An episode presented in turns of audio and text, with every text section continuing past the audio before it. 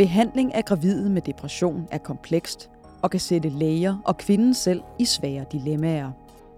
For både medicin og sygdommen i sig selv kan føre til komplikationer. Men nyere studier tyder på, at visse risici ved antidepressiv medicin ikke er helt så høj som tidligere antaget. Altså når bekymringen er mindre end den tidligere har været, så skyldes det simpelthen, at vi får flere og flere studier, som vi så kan lægge til oven i de andre. Vi kigger nærmere på litteraturgennemgangen og den nyeste forskning i denne udgave af Ugeskriftets videnskabspodcast. Velkommen til. Mit navn er Mie Brandstrup. Hej. Jeg har en interviewaftale med Paul Hvidebæk her klokken halv. Ja. Og så et lille stykke, og så ned. Jeg er taget ud til forskningsenheden på Psykiatrisk Center Glostrup for at mødes med Paul Hvidebæk, professor, overlæge og leder af Center for Neuropsykiatrisk Depressionsforskning.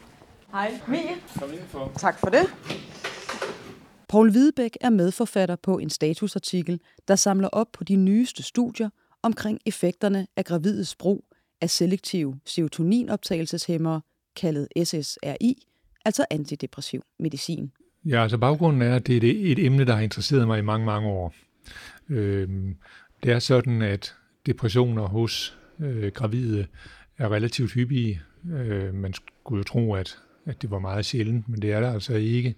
Og øh, der må man sige, at selvfølgelig er det bedst at behandle øh, psykoterapeutisk, øh, hvis man kan, fordi så bliver fosteret ikke påvirket.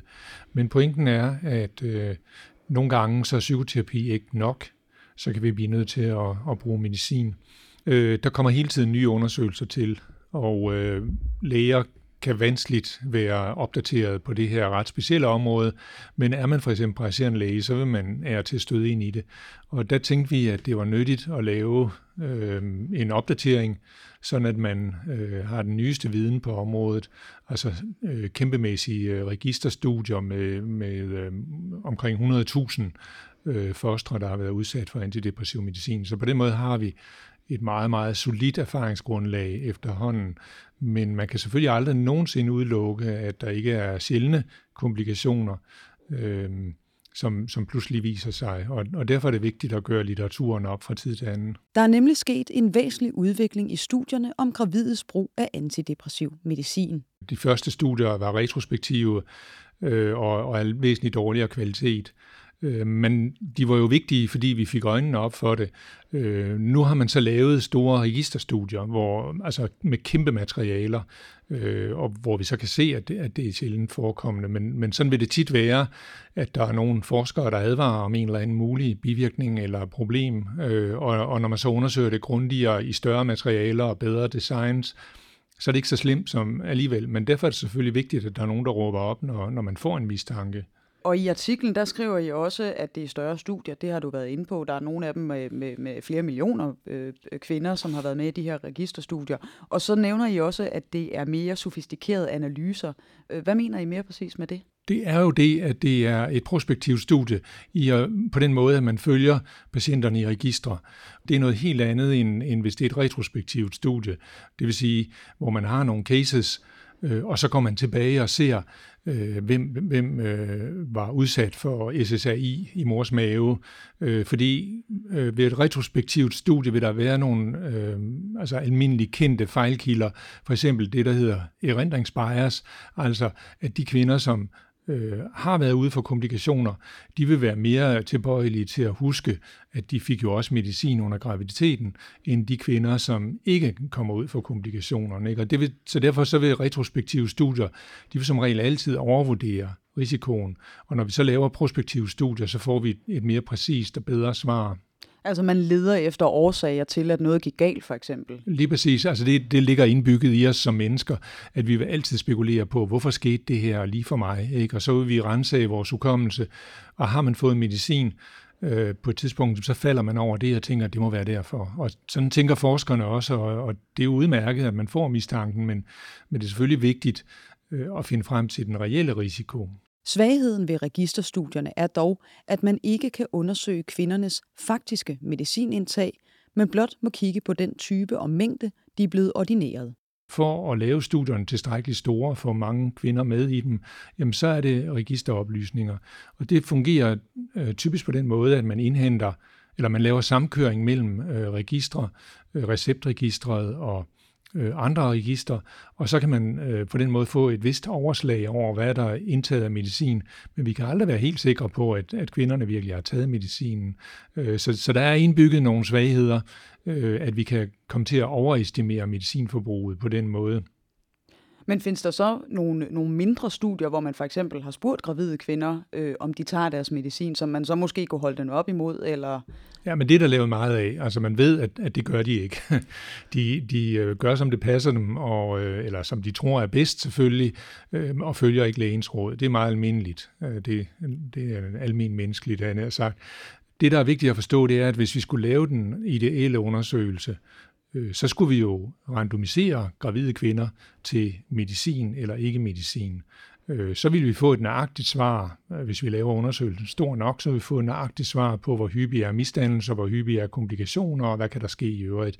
Men sådan en undersøgelse kan vi ikke lave af etiske grunde, så kan, vi ikke, øh, så kan man ikke designe sådan et forsøg. Forekomsten af depressioner hos gravide er ca. 12 procent, og heraf er omkring 2 procent i behandling med SSRI. Tidligere studier har givet anledning til bekymringer for en række risici for både mor og barn. Bekymringen har først og fremmest været misdannelser, medfødte misdannelser. Det er det, som vi alle sammen tænker på, og det er i høj grad det, som kvinderne tænker på, fordi sådan, øh, der er lavet undersøgelser om, at øh, kvinder tænker, at hvis de tager noget medicin, så er risikoen kolossalt stor for misdannelser. I virkeligheden er den ret sjælden, når man undtager bestemte stoffer.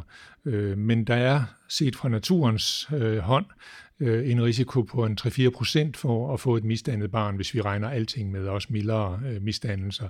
Og det er, hvis man ikke har fået noget som helst medicin. Så, så pointen er, om øh, får man medicin, øger man så den risiko. Og der har man været meget bekymret for antidepressiv medicin. Måske øh, i kombination med, der er en udtalt stigmatisering af psykiske lidelser, ikke? Og, og mange mennesker har måske tænkt, at det var noget pjat og ikke noget særligt alvorligt problem. Det kan der altså godt være, så, så vi kan ikke bare affærdige problemstillingen på den måde.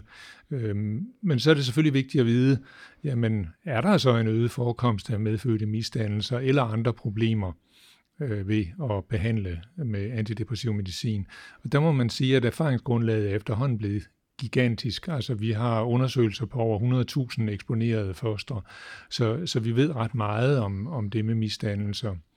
Øhm, og når man ser bort fra nogle enkelte stoffer, øh, fordi der er selvfølgelig forskel fra, hvad for et stof man får, så må man sige, at bekymringen, som særligt er gået på dels generelt misdannelser og dels hjertemisdannelser, der bliver vi mere og mere trygge, jo flere undersøgelser der kommer, fordi øh, den viden, vi har, den konvergerer i retning af, at så, så er der ikke nogen øget forekomst af hjertemisdannelser eller andre misdannelser.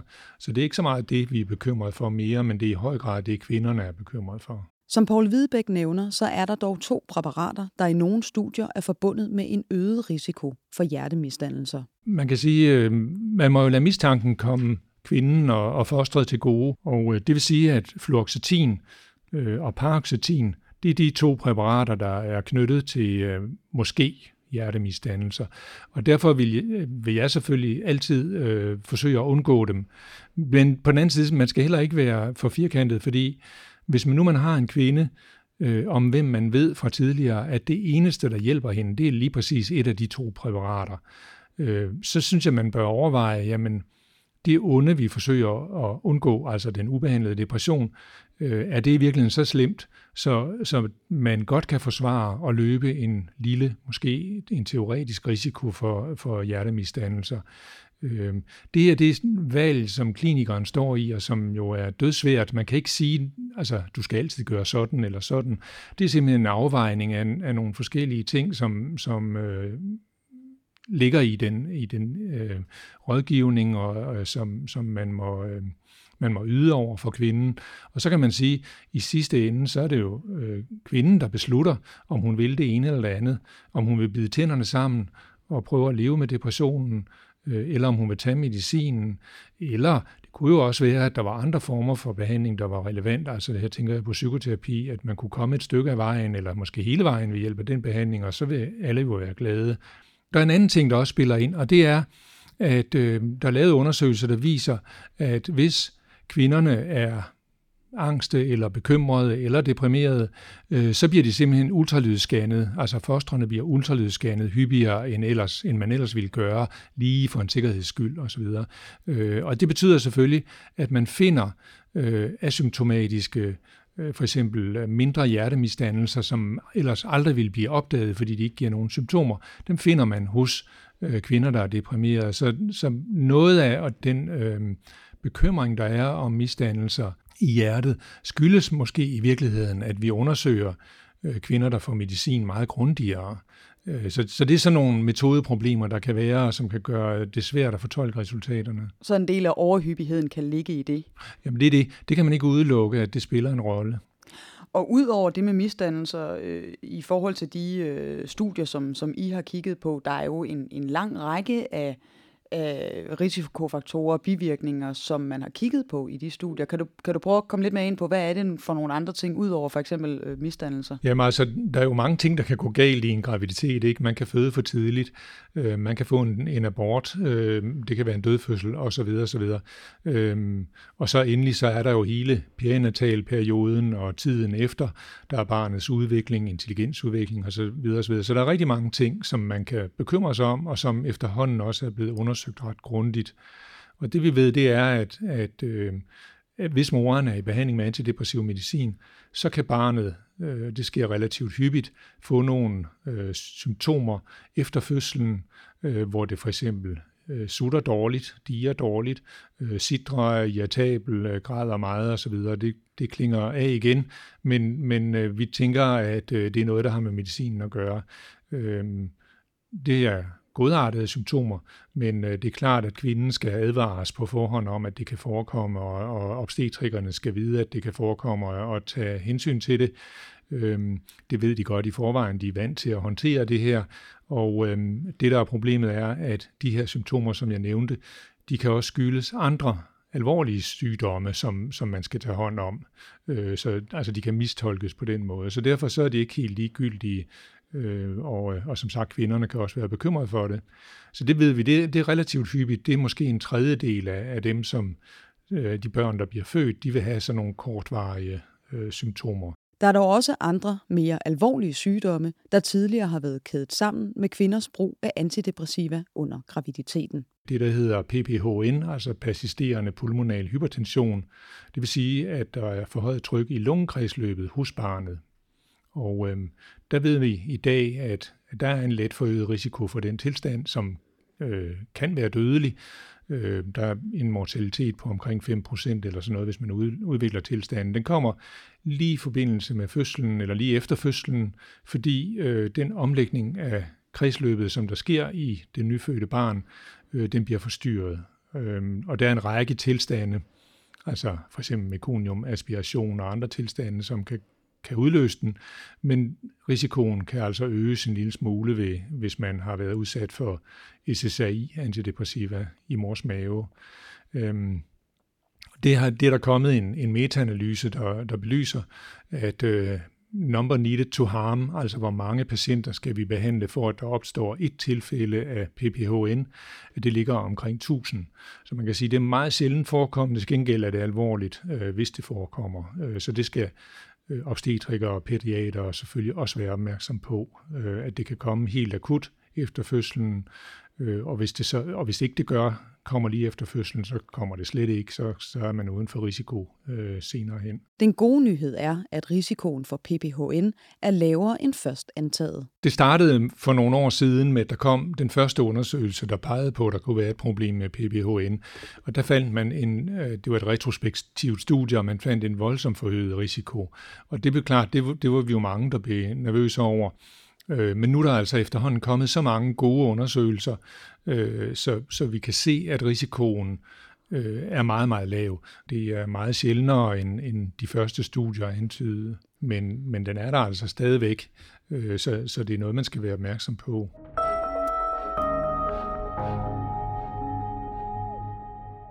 Listen af mulige risici ved gravides brug af antidepressiv medicin har været lang og i mange tilfælde er risikoen heldigvis blevet nedjusteret i nyere tid. I to omfattende danske registerstudier fra 2014 og 15 fandt man, at risikoen for spontan abort stiger med 1-1,5 procent hos kvinder, der er under behandling med SSRI. Andre studier peger på, at risikoen for for tidlig fødsel og lav fødselsvægt hos barnet også stiger en smule ved medicinsk behandling. Men det skal ses i lyset af, at der også er en øget risiko hos kvinder med en ubehandlet depression. Og noget tyder på, at risikoen stiger i takt med depressionens sværhedsgrad. Og det er netop de skadelige effekter af en ubehandlet eller underbehandlet depression, som risici ved medicinen skal holdes op imod. Der er også rigtig mange mennesker, som er i forebyggende behandling med antidepressiv medicin, og de vil selvfølgelig gerne have børn, ligesom alle os andre. Øh, og det giver så nogle helt særlige problemer omkring rådgivningen, fordi øh, hvis nu de holder op med deres medicin, så risikerer de at få et tilbagefald, og øh, vi ved, at ubehandlede depressioner i graviditeten Øh, kan faktisk være farlige for fostret. Øh, der er øget forekomst af misdannelser og øget forekomst af en række obstetriske komplikationer, hvis man ikke behandler depressionen. Så vi står nogle gange med ryggen mod muren, at hvis vi behandler, så er det forkert, og hvis vi ikke behandler, så er det også forkert. Så der skal vi altså gå ind og afveje de to øh, ting i forhold til hinanden. Hvad er der for, for risici øh, ved en enten underbehandlet eller ubehandlet depression hos en, en gravid kvinde, altså risikoen for, for både kvinden og for fosteret? Øh, der er øget forekomst af misdannelser i forbindelse med ubehandlet depression, der er øget forekomst af for tidlig fødsel øh, og en række obstetriske komplikationer. Og øh, det kan man så spekulere på, hvordan kan det være, men det skyldes højst sandsynligt, at øh, deprimerede kvinder ikke passer godt nok på sig selv. Altså alle øh, gravide kvinder, de ved godt, at de må ikke ryge, og de må ikke drikke alkohol osv. Men har man det psykisk dårligt, så magter man ikke at følge de her råd, og så havner man i, i situationer, hvor man enten ja, drikker, eller ryger, eller tager stoffer, eller øh, ikke kommer hos sin jordmor, sådan som man burde, øh, hvorved man ikke får den service, man egentlig har krav på. Og det er simpelthen overrepræsenteret hos øh, kvinder med øh, depression. Så gør man ingenting, så er det altså også forkert, fordi så, så risikerer man at skubbe kvinden over i, i, øh, i de problemer. Øh, så, så det er en, vanskelig afvejning. Ved man noget om, om der er nogle ting i sygdommen selv, som, som kan være faktorer, eller er det primært det, man måske i gåsøjne ville kunne kalde livsstil i forhold til at have en, en psykisk sygdom, en depression? Ja, altså livsstil er jo slem nok i sig selv, men, men du, har, du har fuldstændig ret, at, at man ved, at det at have en depression er en voldsomt stressende belastning for organismen. Øh, og det det kan man måle med, med øh, der er en øh, voldsom forøget øh, kortisol i blodet for eksempel. Der er for meget adrenalin også, altså stresshormonerne. Og øh, det er formentlig skadeligt for fosteret. Det påvirker i hvert fald placenta-gennemblødningen. Øh, så det er simpelthen ikke sundt for fosteret, hvis moren hun er voldsomt stresset, og det er meget stressende at have en depression. Så, så der er også nogle øh, skal man sige, fysiologiske mekanismer eller biokemiske mekanismer bagved. Og der kan også være andet end det, som, som vi bare ikke kender endnu, øh, som, som spiller en rolle. Og der er endnu en risikofaktor. Faktisk den mest alvorlige af dem alle. Man er nødt til at se i øjnene, at den hyppigste dødsårsag blandt gravide, det er selvmord. Og, og det vil sige, at, at har man en svær depression, og er der selvmordstanker, øh, ja, så skal man altså være meget opmærksom. Øh, og så har man som læge et gigantisk ansvar for at, at tage hånd om den situation. Øh, og øh, om man så skal vælge det ene eller det andet, det synes jeg, det kommer an på den enkelte kvindes historie, altså hendes erfaringer med tidligere behandlinger, øh, uanset hvad det har været, øh, tidligere depressioner osv. Fordi det er klart, at, at hvis vi står med en måske psykotisk deprimeret patient øh, med selvmordstanker, jamen så, så er det jo altså kvindens liv, øh, som, som har højeste prioritet. Øh, og så må øh, andre hensyn komme i anden række. Ikke? Så, så det er nogle ekstremt svære kliniske valg, som, som man så står i, og hvor man skal rådgive øh, patienten. Ja, Lars Vedel Kessing øh, kalder det i sin leder for et, et klinisk dilemma, og det ja. kan man jo også godt høre, som du skitserer det der. Ja, men det er, en, det er en meget vigtig pointe, at man kan ikke lave en kogebog eller et rutediagram, og så kan man følge det, og så, øh, så kan man være tryg og have ryggen fri osv. Det er et klinisk dilemma, hvor en række faktorer øh, skal tages i betragtning. Også sådan noget som for eksempel, hvad er kvindens miljø? Altså lever hun i et miljø, der kan støtte hende og aflaste hende og passe på hende? Jamen så er det jo en helt anden situation, end hvis man har en enlig øh, kommende mor, som, som er socialt marginaliseret, som har få ressourcer og så videre, så videre. Så der er rigtig mange ting, som en læge skal, skal tænke ind i det her. Og der er vel også forskel på, om det er en kvinde, som har en lang sygdomshistorik, eller der er tale om en, en førstegangsdepression. Ja, det er rigtigt.